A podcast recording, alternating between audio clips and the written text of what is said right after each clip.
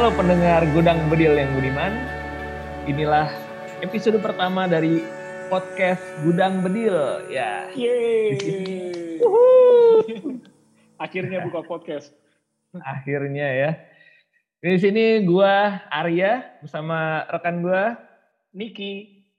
Oke, kita akan membahas beberapa topik tentang Arsenal akhir-akhir ini dengan sudut pandang fans biasa ya. Fans sotoy lah ya. Kita langsung bahas di topik yang seru dulu minggu ini. Big match nih. Oke. Big match apa di table match nih? Bener-bener. Jadi minggu ini ada big match ya. Big match buat Ya. para netizen. Yo, ini big match Karena- buat para netizen. Iya ini big match pertandingan gengsi sih. Karena kalau dari sisi peringkat, dua-duanya lagi nggak bagus nih. Nggak berebut peringkat 4 juga eh, untuk pertandingan ini ya. Tapi mungkin untuk Ya. eh, sampai akhir musim sih iya kita bersaing buat peringkat 4. Tapi buat pertandingan ini tidak eh, tidak mempengaruhi peringkat. Cuman kita bisa mendekati ke eh, apa namanya Ke Klasemen atas. kayak empat besar atau enam besar lah ya. betul. Nah ini pertandingan yang Kita mulai sangat dari menarik. ini. Kita mulai dari apa, eh, fitness pemain dulu nih coba mungkin. Oh boleh boleh bener banget. bener. Ya. Ada yang baru nih ada dua pemain Bukayo Saka yang baru kita bahas ya. Eh, dia lagi cedera hamstring katanya. Kata Ateta sih udah mulai membaik katanya. Terus sudah mulai latihan-latihan kecil lah, tapi belum main bareng temennya. Jadi full training. Nah, yang kedua adalah Emil Smith Rowe Wah, Yang juga dipulang. di 21 Inggris ya. Iya benar. Katanya dia punya masalah pinggang. Tetap dan sangat beragu, kata kayaknya sih sangat meragukan nih buat main versus Liverpool. Gitu. Perkiraan lo ini Bukayo Saka ya, pertama itu bakal ini nggak bakal cukup ini ya, waktunya. Eh, Saka sih pasti main kalau menurut gua. Oh ya, kalau main nih menurut lo. Menurut gua main karena apalagi Emil Smith Rowe nggak ada ya. Jadi eh, potensi eh, ah, apa namanya Bukayo Saka buat main tuh tinggi banget karena Arteta nggak mungkin ngelepas pertandingan ini. Ini mungkin eh, pertandingan paling menentukan di musim ini buat nasib Arsenal ya.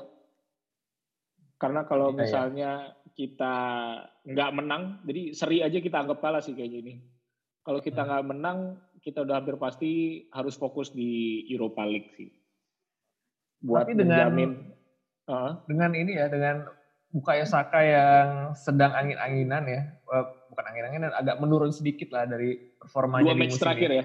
Heeh. ya dua match terakhir terus emang ada nigel-nigel hamstring ini menurut menurut gua sih dia diistirahatin dan dimainin lawan Europa League nanti lawan apa eh Sparta bukan bukan Sparta eh apa namanya Itu yang kalau Sparta eh, itu Rosiski yang Dinamo Dinamo. Yang keras banget lah itu yang kemarin. Yoi, basisnya. yoi. Aduh lupa gue. Yoi. Eh, Kita itu lawannya Slavia, men. Slavia Slavia Praha. Yoi. Tapi kayaknya sih main deh karena hamstring ini gue nggak curiga benar totally eh, apa namanya hamstring yang fatal sih. Hmm. Karena kan sempat dia masih sempat latihan. Kita lihat dari videonya Lacazette masih oke-oke aja tuh kayaknya tuh Saka tuh. Kayaknya Ya. Arteta nih dunia tipu-tipu lah biasa. Dia punya ini peran sendiri ya. iya benar. Eh ini Tapi- kemungkinan sih karena kalau kalau ngelihat eh, kedalaman squad eh, Aha. mungkin Saka tetap harus dimainin sih. Kalau nggak Saka yang main di kanan berarti ya. Eh, Willian kayaknya. William kan sekarang lebih banyak main di kiri nih dan Smith Rowe Martinelli mungkin. PP nggak tahu kenapa ya, kayaknya jarang uh, masih kecil banget kemungkinannya kalau dia jadi starter sih. Mhm. Musim ini ya, karena nggak mm, tahu banyak faktor sih ya, karena uh, support dari uh, fullback kanan yang mungkin kurang sesuai dengan gaya permainan dia, jadi dia nggak keluar sih. Berarti mungkin tergantung dari pemilihan bek kanannya juga. Bisa jadi. Karena Arteta benar-benar mirip Guardiola ya. Buat pemain FPL sih ini menyulitkan ya. Mimpi buruk. Iya benar. Gue juga tiba, bikin prediksi. Tiba-tiba tiba-tiba Chambers gitu kan. Ada iya ya. Bellerin. Chambers, Chambers kalau itu nanti nanti kita bahas nanti ya. Iya, jadi okay, uh, dua, dua ini ya dua pemain yang meragukan dan sisanya kayaknya udah bisa diturunkan ya, kecuali iya. ada kabar terakhir dari negara masing-masing. Udah kan, udah udah semua kan, udah balik kan? Udah semua kan? Uh -uh. Oke, berarti nggak ada apa uh, ini lagi cedera lagi nih, insya Allah. Mudah-mudahan. Cuma mengingat uh, nasib baik kita yang sangat jauh dari keberuntungan, kita harus tetap waspada sih. Cuman oke, okay, kita coba uh, spekulasi uh, line up ya. Yoi. Di sisi penjaga gawang sudah hampir dipastikan. Hampir dipastikan. Leno ya, Leno bakal menjaga gawang. Kemudian uh, back kemungkinan lawan Liverpool kita pakai tiga back tiga center back ya. Oh ya. Kayaknya sih. Kenapa kenapa jadi tiga center back lagi? Padahal kan apa ya? Itu kayak Sofinya udah berubah ya sekarang dari tiga center back ke dua. Dan ya mungkin ya mungkin aja versi lu bisa bisa sih. Nanti gua akan kasih versi sendiri. Iya karena uh, ini pertandingan yang cukup berisiko dan kita tahu hmm. Liverpool pasti bermain sangat attacking. Uh, Arteta bakal pragmatis sih buat match ini kalau menurut gue karena ini taruhannya gede banget poinnya. Poin yang sangat menentukan. Jadi karena jangan salah bahwa tiga back itu bukan berarti kita akan main bertahan uh, tiga back ini akan ada dua full back yang full attacking. Tapi kita punya lini pertahanan yang lebih solid. Jadi intinya kayak gitu dan um, sebenarnya skema tiga back ini kan kita udah buktikan berhasil musim lalu ya lawan Liverpool. Kita menang di Community Shield dan di Liga kita juga menang gitu kan. Jadi uh, eh sorry di Liga di FA ya. Jadi um, sebenarnya taktik yang ampuh buat ngelawan Liverpool, Liverpool yang musim lalu tapi nggak tahu kalau musim ini mungkin karena performa yang lagi buruk, mungkin Klopp juga sedang kotak-katik taktik lain. Kita nggak tahu nanti uh, intelnya Arsenal punya info terhadap uh, taktiknya Jurgen Klopp apa enggak, tapi kemungkinan sih uh, kita akan pakai taktik yang sama dengan pertandingan lawan Liverpool uh, di periode sebelumnya. Dan kalau tiga back kemungkinan sih akan uh, David Luiz, Gabriel sama Pablo Mari trio Brazil sih di belakang. Pablo Mari Spanyol kan? Pablo Mari Spanyol ya? Oh iya, Spanyol. Lama di Brazil ya, benar. Iya. Emang apa ya? Kayak dia kayak bukan orang Spanyol gitu.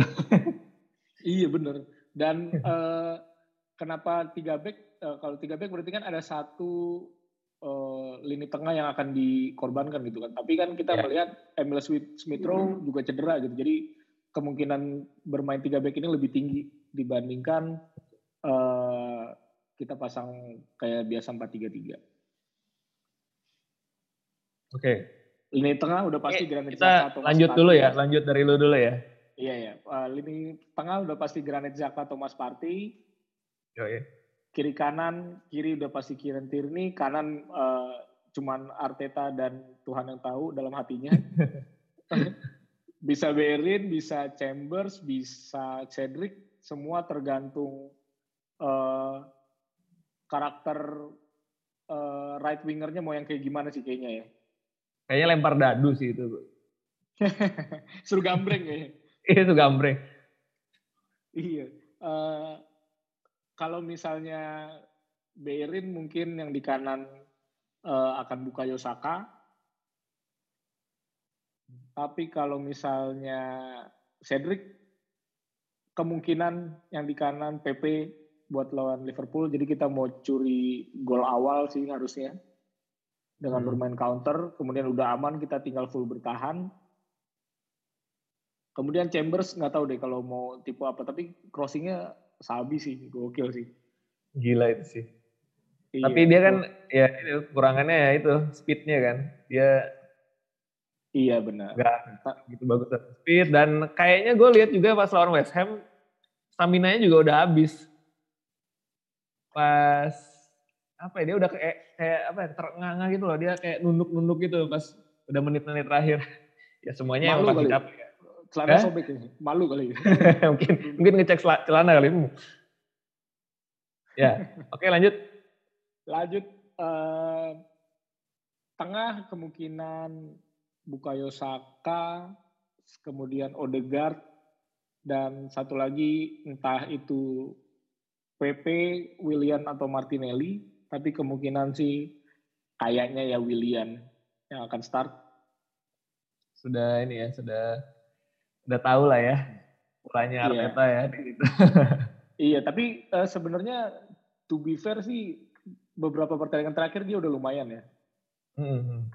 Walaupun mungkin kita yang nonton gregetan tuh karena kayak kurang ngelihat passion dia gitu ya kayak lari ya seadanya terus uh, apa kalau gol yang lain selebrasi dia enggak gitu kan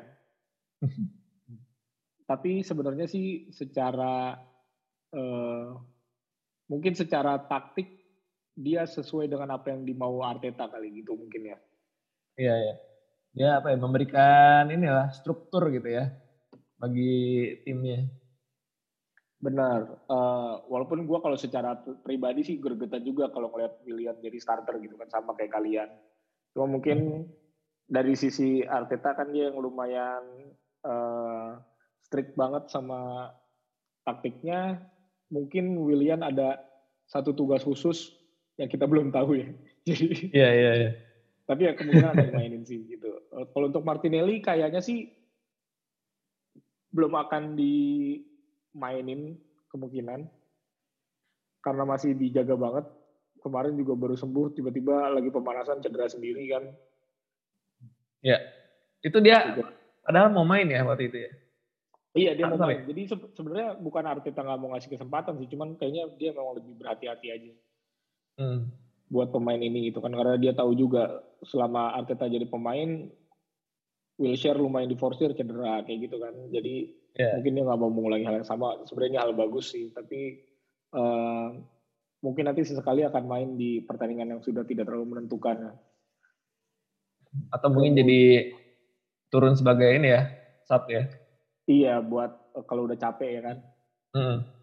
dia lumayan bisa uh, gedor buat pertahanan Liverpool yang tanpa Van Dijk kemudian depan uh, sepertinya Aubameyang Hmm, hmm, hmm. Ya kalau mungkin dengan skema 3 back mungkin Aubameyang yang paling bagus ya. Iya buat counter ya. Ya. Jadi mungkin itu formasinya. Oke. Kalau versi gue nih ya. Kalau gue ya itu eh, empat dua tiga satu sama seperti formasi-formasi akhir-akhir ini. Uh, backnya yang dua itu karena lagi bagus-bagusnya mungkin oh sorry sorry kiper dulu ya kiper ya Leno udah siapa lagi ya kecuali dia bener-bener jelek mainnya dan emang cenderung agak jelek sekarang iya benar. tapi masih bisa ditolerir lah nah Leno jadi kiper lalu di kedua back ada Luis sama Gabriel cocok berdua. Iya, Gabriel Luiz sih. Cuman hmm. Pablo Mari juga solid sih selama kalau dipasang jadi dua back ya. Solid, solid, solid. Malah Gabriel Tapi, sejak sembuh ya? dari cedera yang rada-rada uh, shaky. Hmm. untuk ini menurut gua sih dengan back-backnya yang apa ya bukan back wingernya yang lincah-lincah menurut gua Gabriel lebih cocok lebih lincah lah pada Mari.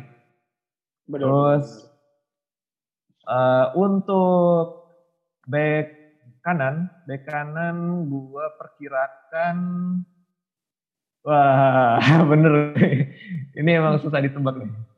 Tapi gua inilah nembak aja lah nembak dengan presisinya mungkin ya 30 persen. Gue pilih Bellerin. Iya, gue juga kayaknya Bellerin. Kayaknya Bellerin. Iya, gue juga sih. Terus yang di kiri jelas Tierney ya. Kalau nggak ada cedera apa pun pasti itu Tierney. Terus di tengah dua pivot nih double pivot ini ya sudah gampang ya ditebaknya. Saka dan Partey ya. Benar. Terus walaupun Partey kalau menit di atas 80 mulai ini dia rabun senja. Micinnya mulai keluar loh. rabun senja kayak ngopernya. Iya. Kebanyakan micin itu soalnya. Nah. Itu, aduh. Banyak Indomie. Nah. Eh, belum belum ngiklan dia di sini. Belum ngiklan ya? Oh belum boleh ya? Oh iya iya. Tapi nggak kita sebut eh dulu. Mana iya, tahu ya. Siapa tahu Lemonilo juga mau masuk ya. Oh iya. Bisa ya, gitu kata Lemonilo kan. kita aja.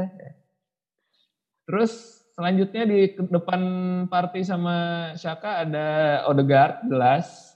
Mm -hmm. Kalau dia pulang dengan selamat dari Norwegia, harus dia untuk ya membuka gemboknya Liverpool yang sedang inilah sedang karatan ya.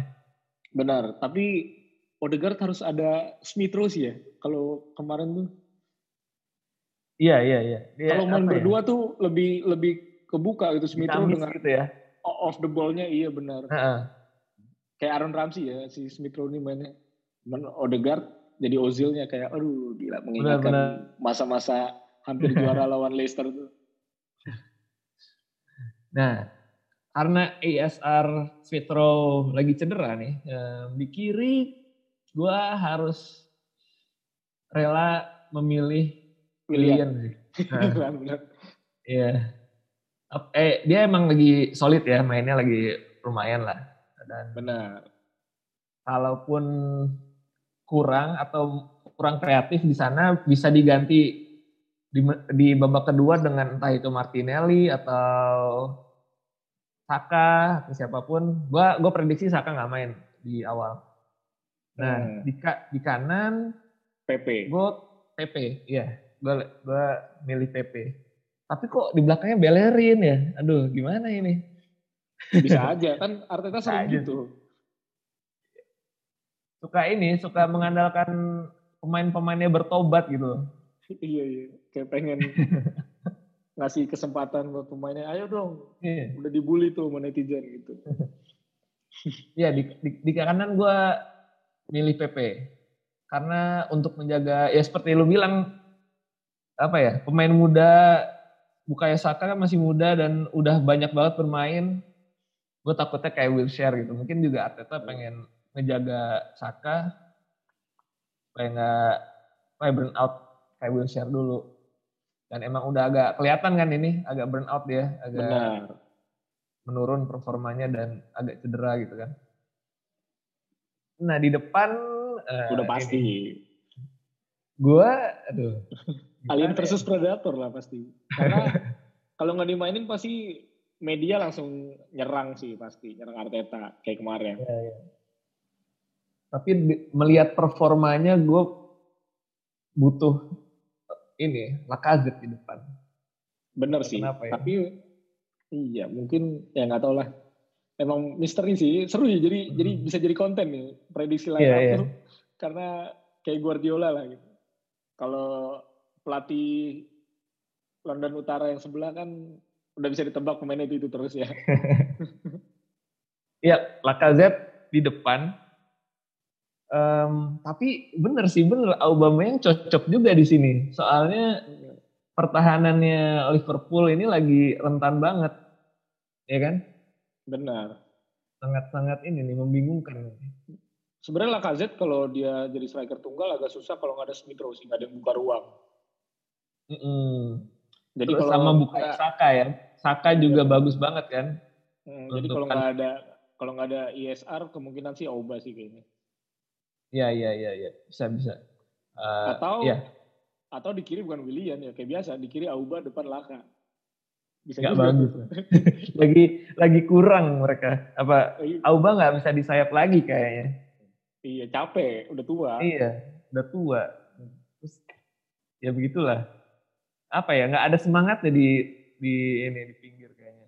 Emang bukan mau dia kali di kiri, makanya dia juga kayak kurang semangat. Ya bisa jadi ya. Jadi dia udah merasakan sebagai striker dalam beberapa pertandingan. Setelah itu lagi, digeser iya. lagi di sayap jadi kurang greget jadinya. Benar, benar. Dia udah, udah udah lupa posisi di sayap itu tugasnya apa. Terus balik ke striker lupa juga. Aduh. Iya. Oke, okay. gue setelah berpikir-pikir, gue milih Auba di tengah di depan. Oke, okay, siap. Oke, okay, nanti itulah. Uh, nanti buat yang di Twitter ya. kita bisa tulis ya uh, prediksi line up versi Niki dan versi Arya. Yo, eh. Tapi kita yakin sih versi Arteta bakal beda dari kita. Beda. Aduh. Kalau kita ikutan FPL udah isinya pemain Arsenal udah. Jangan jangan. Main Arsenal sama Man City itu mesti sering-sering diganti. Oke, okay, terus uh, eh, okay. prediksi jalannya pertandingan ya. Kalau menurut gue sih, kayak yang tadi gue bilang ya, uh, akan didominasi position oleh Liverpool hmm Tapi kita mengincar gol cepat. hmm Tapi pada prakteknya, menurut gua kita kebobolan duluan seperti biasa. Aduh, kalau kayaknya nih ya, menurut gua malah Arsenal bakal bagus di awal, terus terjadi kebodohan. terus akhirnya kebobolan kan? Iya benar. Iya. iya. Tapi nggak tahu ya, kalau ngelihat ngelawan West Ham yang lagi bagus-bagusnya, kita bisa optimis lah. Kalau misalnya permainan babak kedua muncul, bukan babak pertama ya, hmm. itu pasti ancur-ancuran kita babak pertama lawan Liverpool. Kalau performa babak kedua muncul, wah, menurut gue sih Liverpool bakal kalah sih. Iya, cuman Maksudnya dari segi penguasaan juga bisa dikuasai oleh Arsenal gitu. Benar-benar. Tapi mengingat dua tim ini berkarakter permainan yang sangat terbuka dua-duanya, uh-huh. gua menginginkan sih sebenarnya bukan bukan memprediksi ya, menginginkan adanya hujan gol mungkin kayak zaman Arsyafin dulu. Empat, empat, empat itu?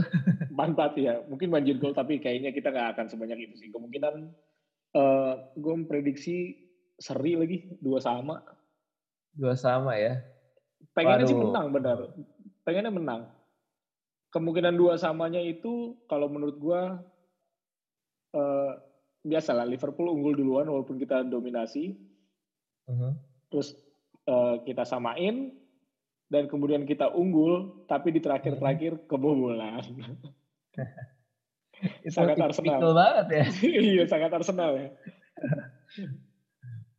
Kalau karena, gua karena Liverpool banyak gol-gol di menit-menit akhir ya. Iya, iya, iya, iya. Ya harus dibuktiin sama, sama data sih, tapi sepenglihatan gue begitu. Hmm. Gue gue sih kurang merhatiin Liverpool ya di musim ini. Tapi yang pasti lini depan mereka masih gacor sih. Salah kan, sih. Salah mana masih Iya, tapi Firmino kan lagi dibully di sana. Hmm. Firmino. Firmino tapi masih tetap starter ya? Uh, karena Jota udah main kayaknya bisa jadi Jota sih.